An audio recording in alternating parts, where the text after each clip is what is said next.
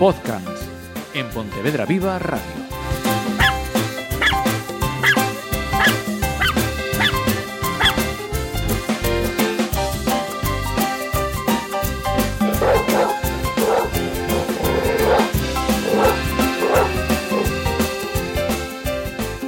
Saludos. Pues si nos estáis escuchando en el streaming, buen domingo. Si nos estáis escuchando en podcast, eh, buen lo que sea. Y siempre y en cualquier caso, gracias a Diego Álvarez, nuestro educador canino, que es quien da contenido, forma y, y básicamente todo a este podcast. Muchísimas gracias, Diego. Como siempre, gracias a vosotros. Vamos a hablar de comida, ¿no? Efectivamente, efectivamente. Vamos a Vamos a hablar de, de- bueno, de comida exactamente y de qué recomiendas tú Exacto. que deben comer Los perros. los perros, efectivamente. Eh, lo primero de todo, quiero, quiero aclarar. eh, no vamos a hablar en ningún momento de, de- de ninguna marca de piensos. Sí, se me va a ir varias veces decir que recomiendo comida natural y no piensos. Dentro de los piensos, igual que pues como en las chuletas y en todo, hay gamas bajas, hay gamas medias, hay gamas altas, ¿vale? Ahí ya cada uno. eh, yo no, no tengo Elija y gaste lo que Exacto, estime exacto. oportuno. Ahora, yo partidario, comida natural. Y vamos a explicar por qué. De hecho, va a ser la primera vez en el tiempo que llevamos, eh, que lleváis aguantándome, eh, que lo vamos a hacer en dos partes, ¿vale? Para no saturar Perfecto, mucho, vamos a hacer dos partes y vamos a explicar por qué creo que lo mejor es la, la comida natural. La, ba- la base con la que suelo empezar con, con esto es, es muy sencilla. Eh, todos hemos comido y seguiremos comiendo eh, cosas precocinadas, congeladas, precocinadas, incluso comida, lo que nos llaman comida basura, las hamburguesas y todo esto. Eh, ¿Nos alimentaríamos así toda la vida? Y además, no solo eso, sino con un solo tipo, es decir, sin dar marcas, la misma lata de fabada todos los días. Mm, Pues seguramente acabaríamos no demasiado bien con nuestra Eso, salud. no estaríamos bien alimentados, aunque luego vendan que los piensos están equilibrados, mentira.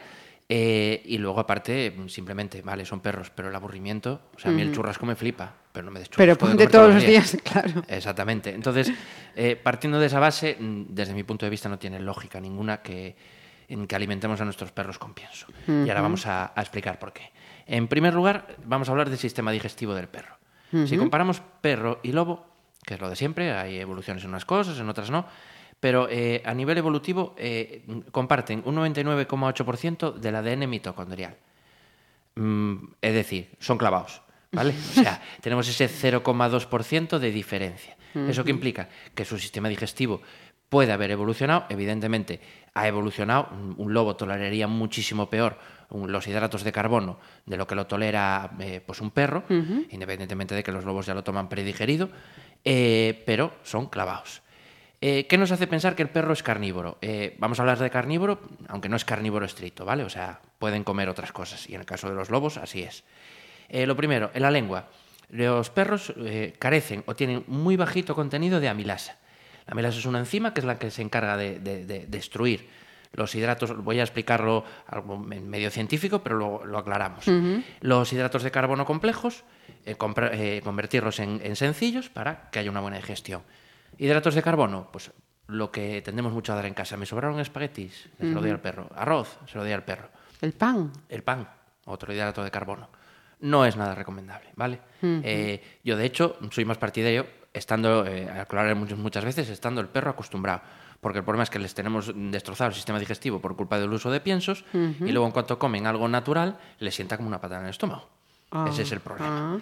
Entonces, eh, eh, pan, eso, arroz y tal, yo es una cosa que no, no, no. A nivel además alimenticio es cierto que, que es necesario el hidrato de carbono para que el triptofano, luego explicaremos lo que es, sea absorbido, pero no, no tiene sentido. ¿no? Luego, ¿cómo tienen los dientes? Pues fundamentalmente los caninos son largos, afilados y en forma de curva. ¿Para qué? Para arrancar cachos de carne grandes e ingerir. ¿Vale? Eh, hay mucha gente que ve al perro comiendo el pienso y dice, "Jo, es que no mastica. Es que los perros no mastican. Los perros comen cachos grandes de cosas y es el, el estómago encargado de hacer esa digestión. Bueno, todo el sistema digestivo. ¿Vale? Entonces es totalmente normal. Eh, ¿Cómo tienen los músculos de, de- los faciales? Pues abren un montón. Eso lo podemos ver sobre todo cuando los perros bostezan, tienen un- una apertura muy, muy grande. Nuevamente por eso, para poder coger cachos grandes de carne e ingerirlos. Eh, la mandíbula, Es fácil. A diferencia de, eh, pensemos una vaca. ¿Cómo hacen las vacas? Los famosos, los rumiantes. Mastican hacia, hacia los lados, tiene un movimiento lateral. El perro no. Nosotros, de hecho, como somos eh, omnívoros, eh, también tenemos ese movimiento lateral. Los perros no pueden mover la mandíbula hacia los lados, solo de abrir y de, y de cerrar, ¿vale? Además con una, con una potencia considerable. Contundente. Eh, ¿Por qué tienen esa necesidad de, de- de comer y tragar rápido? Volvemos a lo mismo, al lobo. El lobo, cuando está comiendo, lo que necesita es, primero, no sabe si mañana va a comer, con lo cual hay que ingerir todo lo que pueda. Esto de, es que le doy de comer a mi perro y, y no, parar, y no pararía. No, claro que no pararía, porque genéticamente está preparado para no parar, acumular la mayor cantidad de comida posible, porque a nivel instintivo no sabe si mañana va a comer. Y en el caso del lobo, más aún. ¿Vale? Luego tiene los carroñeros, tiene otros depredadores. Esto es comer y salir cagando leches. Sí, sí, ¿Vale? sí, Entonces, de ahí viene. Vale, seguimos en, en el sistema digestivo. La faringe, el esófago y el estómago. En la faringe tiene una gran cantidad de mucosa, lo que, lo que la función es, digamos, lubricante, para que esos grandes cachos de, de comida pasen fácilmente y evitar atragantamientos. Luego pensemos cómo son los piensos. Y hay perros que se atragantan con los piensos y son bolitas pequeñas. Eso es más seco. Eh, una, una comida natural debería implicar un 80% de humedad. Un pienso tiene un 2%. ¿Vale? Eh, no sé si esto va en la segunda parte, pero lo comento ahora, que no me acuerdo ahora mismo. Eh, ¿Eso que provoca? Que los perros tengan que ingerir muchísima más cantidad de Muchísima agua, claro. eso que provoca un sobreesfuerzo del riñón. Eso que provoca problemas renales. Vamos a ir viendo que lo que ahorremos en, en- en- en dinero, que es mentira, y en tiempo, que entre comillas también es mentira, al final lo vamos a gastar en veterinario. O sea que. Luego, el esófago se tiene una gran capacidad de dilatación para poder almacenar grandes cantidades esa de comida. cantidad de alimento. Exactamente. Lo cual también pasa en el estómago, que también dilata, o sea, acumula gran cantidad de comida. Eh, el, el- el perro tiene uno de los pHs más bajos de, de todos los animales, en- entre 1 y 2. El nuestro, si no recuerdo mal, es 5. ¿Y eso qué hace? Que la digestión se haga en el estómago. ¿Vale? Nosotros tenemos que masticar para que las cosas lleguen a nuestro estómago no predigeridas, pero sí muy machacadas para que la digestión se pueda hacer, y el perro no tiene esa necesidad. La comida llega al estómago y ahí se digiere, aparte eh, contienen unas enzi- enzimas digestivas potentes, se digiere y ya está. ¿Vale? Con lo cual estamos viendo, no sé por qué, es que me está vibrando el móvil. Siempre que grabamos me, me llaman, o sea, no me llama nadie porque no tengo amigos, y siempre que grabamos me llaman, es una cosa más rara. Vale, eh, tenemos que Igual Murphy tiene algo que Totalmente, ver. totalmente.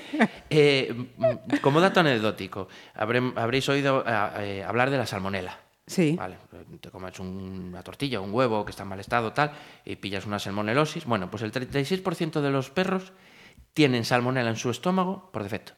Y Anda. no les pasa nada, ¿vale? Para que nos hagamos una idea nuevamente de cuando hablamos de humanizar. ¿Qué es humanizar? Pensar que el perro tiene que comer las- como nosotros. No, para nada. O sea, fijaros la diferencia. Yo tengo una salmonela y estoy hablando mal y pronto, cagando blando una semana. El perro.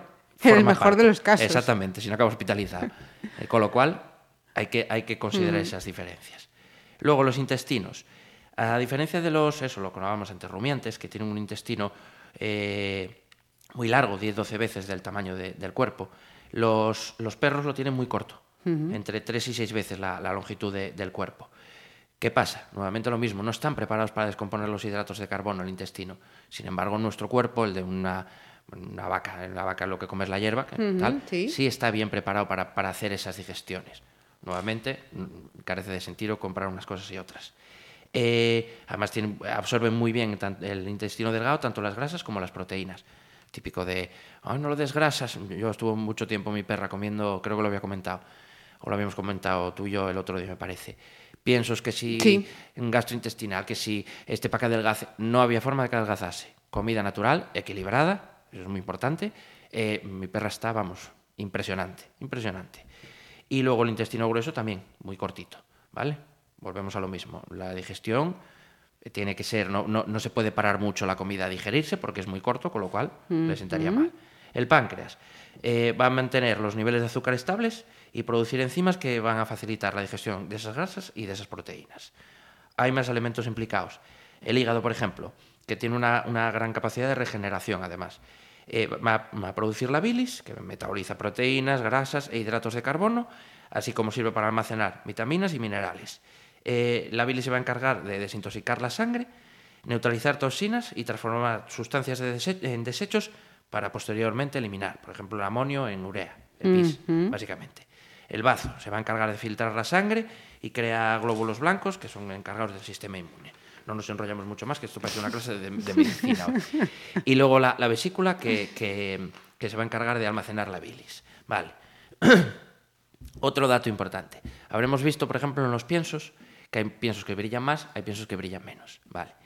¿Qué les pasa a los piensos que brillan más? Que lo que hacen es eh, cubrirlos de una capa de grasas que los hace más olorosos y más palatables. ¿Vale? Entonces, hoy qué bien me come este pienso. Sí. ¿Qué hace esa grasa? Que la poca proteína que hay adentro, que luego veremos, ahora vamos a, a analizar eh, los piensos, eh, no se absorba. Porque, eh, la, digamos que, que hace como una... Una película. Exactamente, llega al estómago, eso no se absorbe y el perro la caga. Eh, la caga no, no que lo haga mal, me refiero que la caga literalmente. Sí, sí, sí. sí. Eh, y luego tenemos perros que van comiendo mierda de otros perros. ¿Por qué? Porque tiene más proteína esa mierda Caramba. que el propio perro. ¿Vale? Entonces, otra cosa a tener en cuenta. Vale. ¿Por qué se empezaron a usar piensos? ¿Vale? Muy fácil, la industria, la- la- lo que nos domina a todos. En 1860 hubo un exceso de, de- de cereales y dijeron, coño, esto no lo podemos tirar, esto hay que darle salida como sea. ¿Qué hicieron? Dijo, Vamos a generar pienso con esto. Claro, pienso con cereal, lo que menos debe de comer el, el perro. Eh, teniendo en cuenta que el origen del perro es de hace más de 30.000 años y el de origen del pienso es hace 159 años, eh, ¿ha evolucionado en 159 años el sistema digestivo de perro-lobo como para ser capaz de digerir el cereal? Lo dudo. Lo dudo muchísimo. Y aparte es eso, basta con abrir un lobo, que esté muerto, ¿eh? No, que es, un lobo, es mucho lobo por ahí. Apología Sí, exactamente. Abrimos un lobo, abrimos un perro y vemos las diferencias. Es que no las hay. ¿Vale? Eh, a nivel legal, para que veamos la, la- la barbaridad que es lo de los piensos, espero que nadie lo venda así, pero eh, mezcla serrín, suela de zapatos y aceite de motor usado, y eso legalmente en España sería un pienso. Valdría. Nadie lo vende así porque no lo venderían, evidentemente, pero eh, no hay restricciones, prácticamente. Aún es más, en España, si no recuerdo mal, es ilegal usar carnes que no sean de tercera para generar piensos. ¿Qué son carne- carnes de tercera? Desechos. Sí, sí, Pezuñas, sí, sí, plumas, sí, todas estas mierdas. Con lo cual, eh, pienso, si aún de verdad llevase carne, vale. Pero lleva eso, frente a comprarme la carne en la carnicería que voy a comer yo y que se lo doy a mi perra, coñe, la diferencia va a ser considerable, porque a la que compro yo, aparte de pasar todo los, el sistema sanitario, sé que estoy de lo que estoy dando. Entonces, vamos a, a ir viendo un poco lo- la, el- la composición, digamos, de, de los, De de los piensos. Vale. Eh, ¿Qué suele tirar mucho? Pues, si vemos por lo general los tres primeros en, en España, eh, los cereales, o sea, los cereales, Dios, los piensos, eh, el orden tiene que ir de más a menos, ¿vale? Es decir, eh, el primer elemento que aparece en... en- Primer en- ingrediente, el que vaya mayor porcentaje. Eh, mm, siempre echa la ley, echa la trampa. Eh, mm, ponemos el primero, carne de conejo. Sin deshidratar, ¿vale? Deshidrátala. ¿Cuánta carne hay al final? Es decir, carne de conejo 80%. El contenido de agua del ser humano y de los animales en general creo que son un 80%, somos un 80% agua. Quítale el agua. ¿Cuánto hay de carne al final?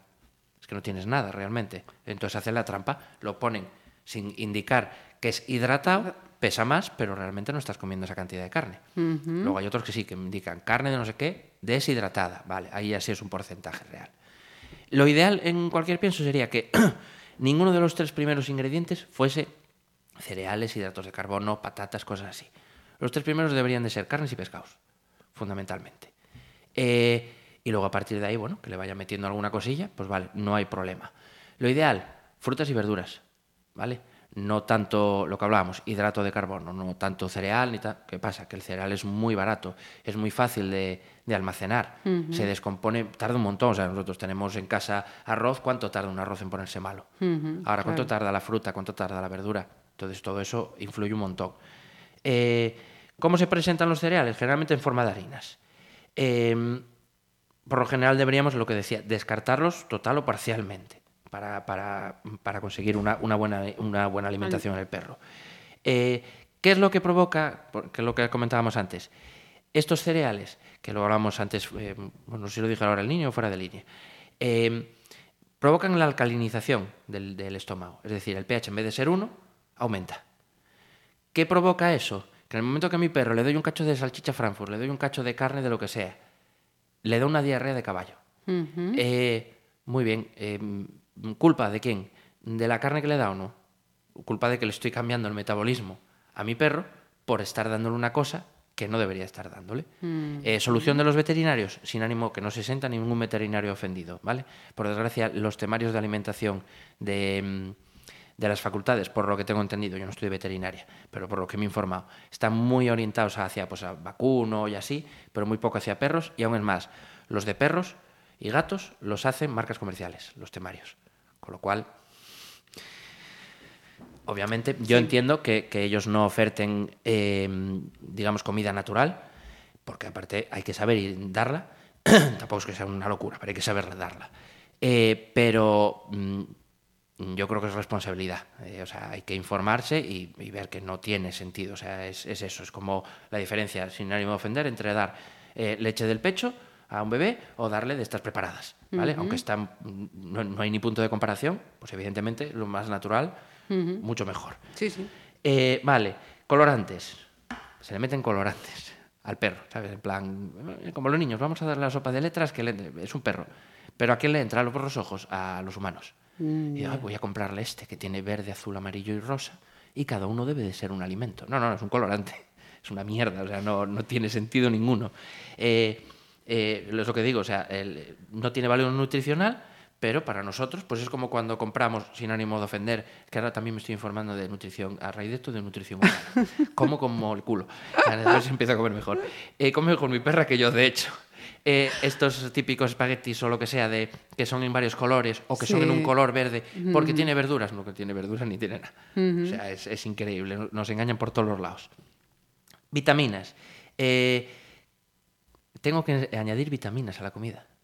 ¿Desde cuándo? Las vitaminas a nivel humano están en frutas, verduras. Sí, está en el propio producto Exactamente. natural. Eh, si a mí me dan un producto, eso, envasado, lo que sea, y pone que me han añadido vitaminas después, ¿por qué? Si ya esto tiene vitaminas, por, por el, el nivel de descomposición de la comida para hacer esas fama- famosas bolitas. ¿Vale? Con lo cual, si lo, yo creo que si ya lo añades al nivel artificial, no vamos a, a ir muy bien. Eh, luego recordemos eso, cómo son las bolitas. Es decir, en esa bolita tengo carne. Habremos oído lo típico de las abuelas de no lo cocines mucho, que si lo cocinas mucho al final quedan todas Pierde vi-". las- Exactamente. Pues exactamente así. Si yo cojo, imaginaros solo un cacho de pollo. ¿Cómo tengo que mm, transformarlo de presión y de temperatura para hacer de un cacho de pollo esa bola? Que yo un cacho de pollo lo tengo en- como lo solemos tener en la terraza o en, en la cocina. Un día y como haga calor eso ya huele a podrido que no veas. Y sin embargo, ¿cuánto dura un pienso? O sea, ¿qué, qué transformación le hemos hecho? Sí, sí, sí. es que sí, es así. sí. Es como las- los cacharros estos ya, no quiero dar marcas, eh, que lo que, que es, que es pasta o lo que sea, que le eches un poco de agua microondas y ya está, frente a una cosa que te hagas tú en casa, coger la pasta, coger la carne, o sea, eso cómo estará de tratado. Eh, las carnes, eh, lo que comentaba antes, solo se pueden usar de tercera, es decir, los, los despojos. Y aquí luego vuelven a, empezar a engañar. Subproductos de pollo usan. Es decir, restos de los mataderos, como pueden ser, ojo, heces, plumas, sangre, huevos podridos, para mi perro. ¿eh? No lo quiero, le compro la- la- el colchón viscoelástico, pero luego le doy de comer mierda, literalmente, porque si hay heces, vale. De ave, pero cualquier tipo de ave. Y luego, es más, eh, eso no va a llevar control sanitario. Es decir, eh, mi suegra que tenía gallinas, se le muere la gallina, se lo vende a un tío para que haga piensos. Aún es más, se descubrió hace tiempo que se estaban haciendo piensos con, con carne de perro. Perros que se morían los usaban para hacer pienso. O sea, flipante. Eh, harinas de pollo. Es carne simplemente que, es, eh, que, que está molida y que además ni siquiera se puede asegurar de que sea un 100% de pollo. Como lo digo, como no hay legalidad, pues vale, tendrá más de pollo, pero a saber lo que te han metido por ahí por el medio. Eh, carne fresca, esto es eh, en función un poco, digamos, de menos a más de lo que debería aparecer en el pienso. Carne, eh, no de cantidad, sino de calidad, digamos. Carne fresca de pollo, es decir, sin deshidratar lo que, lo que comentábamos, eh, cuánto realmente está ingiriendo al final. Y luego carne deshidratada de pollo. Eh, digo pollo porque, bueno, pollo en este caso es, es, eh, analizando este, estos ingredientes es lo que salía. Pero sí que, por ejemplo, eh, es de los alimentos más interesantes para el perro, el pollo. Pollo y pavo son lo que, los que más, aunque creo que eso va a ir en la segunda parte, pero yo como me... Avanzando así un poquito pinceladas. Yo como me lío yo solo, pues ya. Eh, es de los que más tritofano tienen. El tritofano es el precursor de la serotonina, hormona de la felicidad, Ajá. ¿vale? Entonces, hay, la hay en carnes, las hay en, en- en verduras, por ejemplo, la zanahoria contiene bastante tritofano. Eh, hay gente a la que yo le digo, "Mm, no le coges el hueso este de piel de vacuno prensado, que no sé ni de dónde viene. Si le gusta, dale una zanahoria, ¿vale? La limpias bien, siempre está con sulfatos y cosas así, la limpias bien y si le gusta dar una zanahoria a tu perro. Lo de siempre, si vamos a, a dar algo nuevo, de poco a mucho, Ajá. ¿vale? No le damos el primer día una zanahoria descomunal y luego el perro que tenga una diarrea. Sí. Lo vamos acostumbrando. Es un poco como nosotros, eh, de Sí, pequeños una leche, alimentación exacto. progresiva. Y luego purés y luego ya nos van dando sólido, ¿vale? Pues ent- entonces exactamente lo mismo. Vale, ¿qué más se les mete? Aditivos. Eh, los cuales son muchas veces legales a nivel canino, pero no a nivel humano. Flipante. Por ejemplo, el BHA y el BHT, que son antioxidantes que se sabe que son potencialmente cancerígenos. El glutamato es un saborizante eh, que provoca a- alteraciones mutagénicas, teratogénicas y reproductivas. O sea, genial. Dicho Román Baladino, nada bueno. Nada bueno, o sea, una alteración mutagénica, o sea, pues lo- pensemos en los mutantes. O sea, los X-Men se crearon porque comían pienso. Eh, y ahora sí, son los glicoles, no el glutamato, me, me confundí yo ahí. Eh, son, muy, nocivos y es el propilenglicol el que se usa como pegamento y como eh, esto anticongelante en los coches. Flipante. Y luego lo que comentábamos antes, contenido en agua. Eh, ¿Qué provoco? Lo que decíamos, come esto súper seco, que no genera sarro como dicen, que me parto el culo de risa, ahora lo veremos, eh, y está consumiendo un 2% de agua. Venga a beber. ¿Vale? Eh, de hecho, los lobos y tal beberán, pero probablemente beban muchísimo menos porque el contenido en agua de las presas es brutal. Ya lleva, es brutal. claro. Eh, ese riñón está forzándose continuamente. O sea, si está acostumbrado, por decir, eh, que no lo sé, a que pasen diarios mm, dos litros de agua, le estoy haciendo pasar 10. Con lo cual estoy forzando ese riñón. Uno de los principales problemas de los perros hoy en día son los Problemas renales. problemas renales junto con cáncer, muchos provocados, por lo estamos viendo ahora, por culpa de, este consumo de pienso que carece de sentido y lo que va a hacer es que esté el perro en el veterinario todo el día. Aún es más, eh, "Oh, no, es que le doy este pienso y, y le sienta fatal. Ah, bueno, es porque es de pollo. Vamos a darle base en salmón. Y deja de tener problemas intestinales, no tiene diarreas ni nada. Eh, esa persona decide pasarse a la alimentación natural. Coge un día y le da un cacho de pollo grandote a su perro y no tiene diarrea. Entonces, ¿qué es lo que provoca la diarrea? ¿El, ¿El pollo, pollo o el toda la mierda que le hemos metido detrás para que es- el perro se come ese pienso? Con lo cual es que no tiene... No tiene o sea, de ninguna sentido. duda, No, no, es que- o sea, es eso. pura. Lo como comento muchas veces, yo por lo general, sea explicando cosas pues como de sensibilización, a mí me gusta la base ci- científica. El instinto a la hora de trabajar con los perros es fundamental, pero todo en la vida tiene base científica. Entonces, es- lo estamos dando con datos científicos, no nos lo estamos inventando. Sí, Vuelvo sí. a decir, si yo le estoy dando a mi perro algo que yo no lo puedo consumir porque se sabe que produce cáncer, se lo voy a dar a mi perro. Me parece un poquito atrevido cuanto, cuanto menos. Vale, ¿qué es lo que va a provocar el consumo de pienso? Pues depende del perro a corto, medio o largo plazo. Nada bueno, desde luego, nada bueno. Esto vuelvo a decir, es como estar comiendo todos los días. Eh, hay un, había un documental, yo lo vi hace años, casi me muero, además lo- solo se me ocurre a mí verlo mientras estaba cenando, que era Super Size Me, me parece. Que era de un tío que dijo, voy a estar durante no sé cuánto tiempo comiendo solo hamburguesas, pues no sé, de una de estas cadenas, no doy nombres. Eh, bueno, lo, lo menos desagradable, o sea, de ahí para arriba, fue que en uno de los helados de estas cadenas encontró un vello púbico. Eso ya fue ya... eh, cuando empezó le hicieron analíticas y al cabo, no sé si tiempo, fue una semana o así, le dijo al médico, deja de hacer este documental, tío, porque te mueres. ¿Vale? Entonces volvemos a lo mismo. Si pasa con, con los humanos, calcular con, con los perros. Lo mismo, lo mismo. Vale.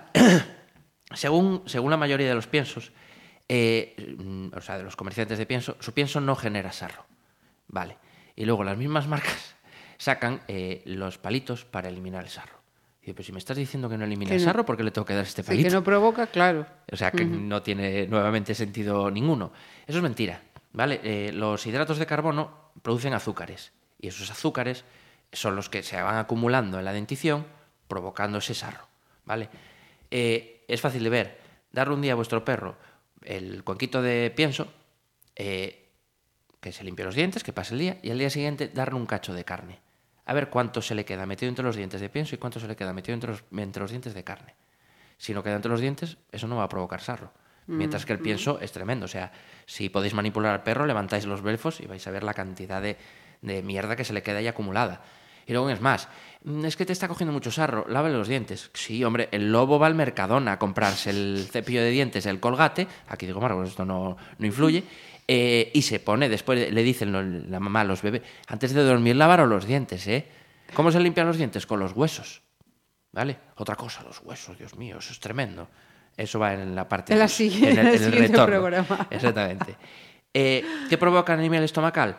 Eh, eliminaciones mucho más abundantes, más continuas y que huelen un, un montón. Y gases, ¿vale? Eh, yo hubo una temporada que, que Bella pues estaba unas temporadas conmigo, otras temporadas con mi madre. Cuando estaba conmigo yo me molesto más en preparar la comida natural y como mi madre no le iba a hacer prepararla y le daba pienso. Cuando venía de estar un par de editas con... tiraba unos pedos la tía y además aquello olía. Desde que mi perra come comida natural, hace caca una vez al día por lo general. Y una cantidad que tengo visto Yorkshires que cagan más cantidad de lo que caga Bella. Y Bella pesa 40 kilos. Aquí es nuevamente lo de siempre, lo habremos oído 200 veces. Eh, es que voy mucho al baño. Pues entonces mal vas. Porque si comes y lo que comes lo estás eliminando, es que lo que estás comiendo no te está dando lo que te tiene que dar. Deberías de eliminar poco. Pues es otra forma de demostrarlo. Eh, veo perros, el otro día estuve con una perrina en un paseo. Cuatro o cinco veces, no sé cuántas hizo caca. Hablo de un perro mediano, ¿eh? Mediano pequeño.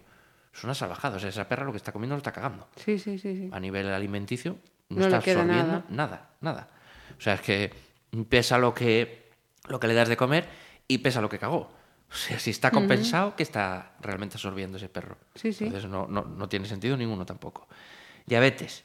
Eh, ¿Qué provoca el- el- ese exceso de hidrato de carbono que hablábamos antes, de los de arroces y todo esto? Fuerza mucho el, para- el páncreas, que, se encarga- eh, que habíamos visto que, que genera, por eso lo, lo hablábamos así a nivel científico, que se encarga de generar insulina eh, y lo que eh, provoca por ese exceso de generación de insulina es que el perro sea diabético. Diabético. ¿vale?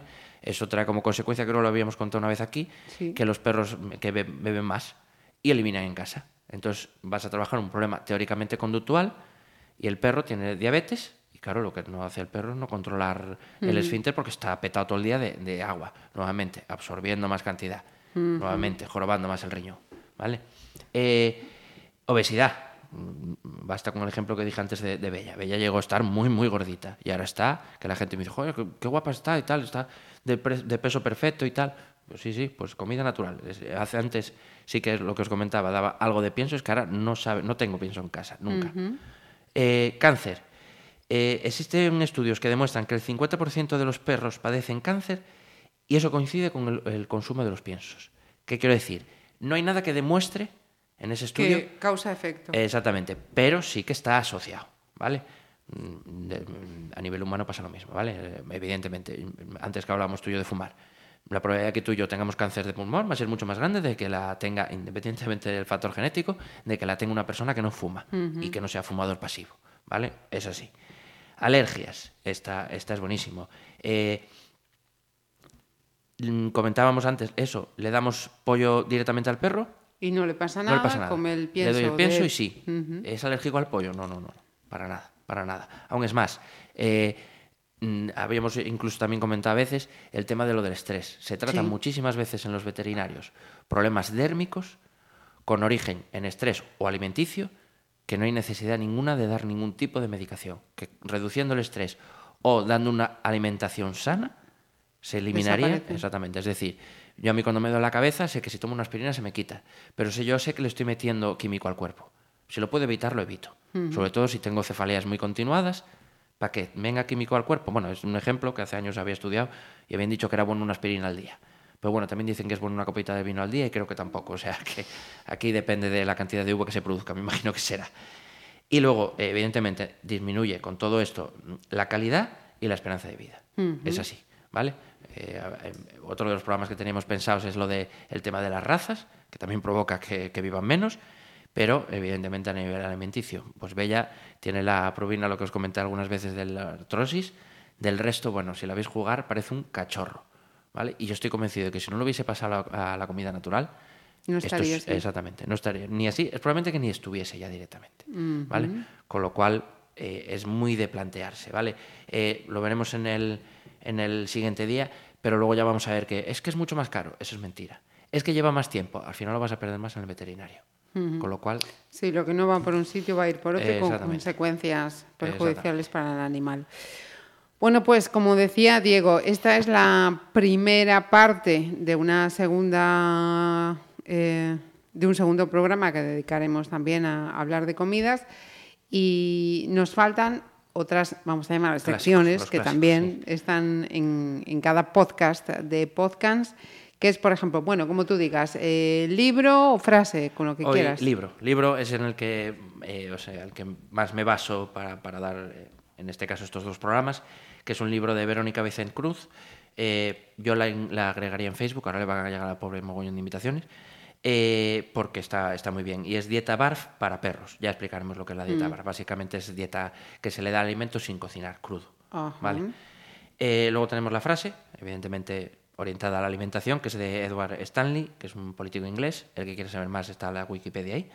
Que dice que aquellos que piensan que no tienen tiempo para una alimentación saludable, tarde o temprano encontrarán tiempo para la enfermedad. Lo que hablábamos antes. El tiempo que no pierdo en alimentar bien a mi perro, lo voy a perder en, oye, mira que el perro tal, tienes que salir de trabajo, cógelo, tira para el veterinario, queda ingresado.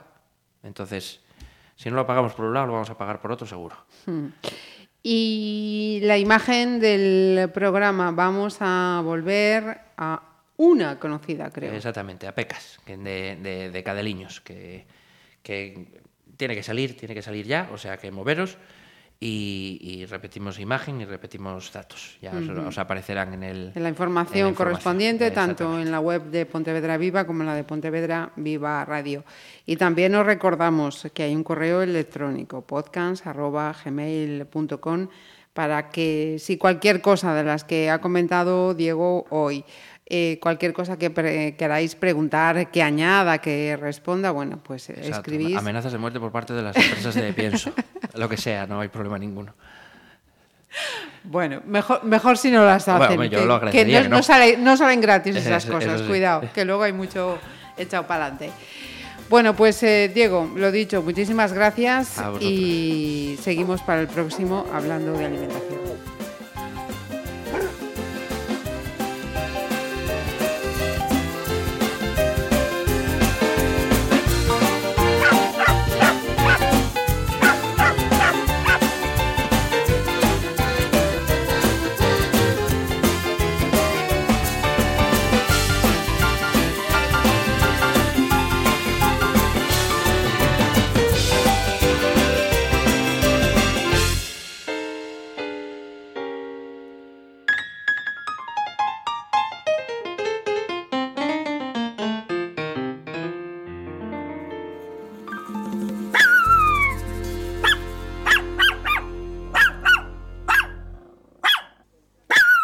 Podcast en Pontevedra Viva Radio.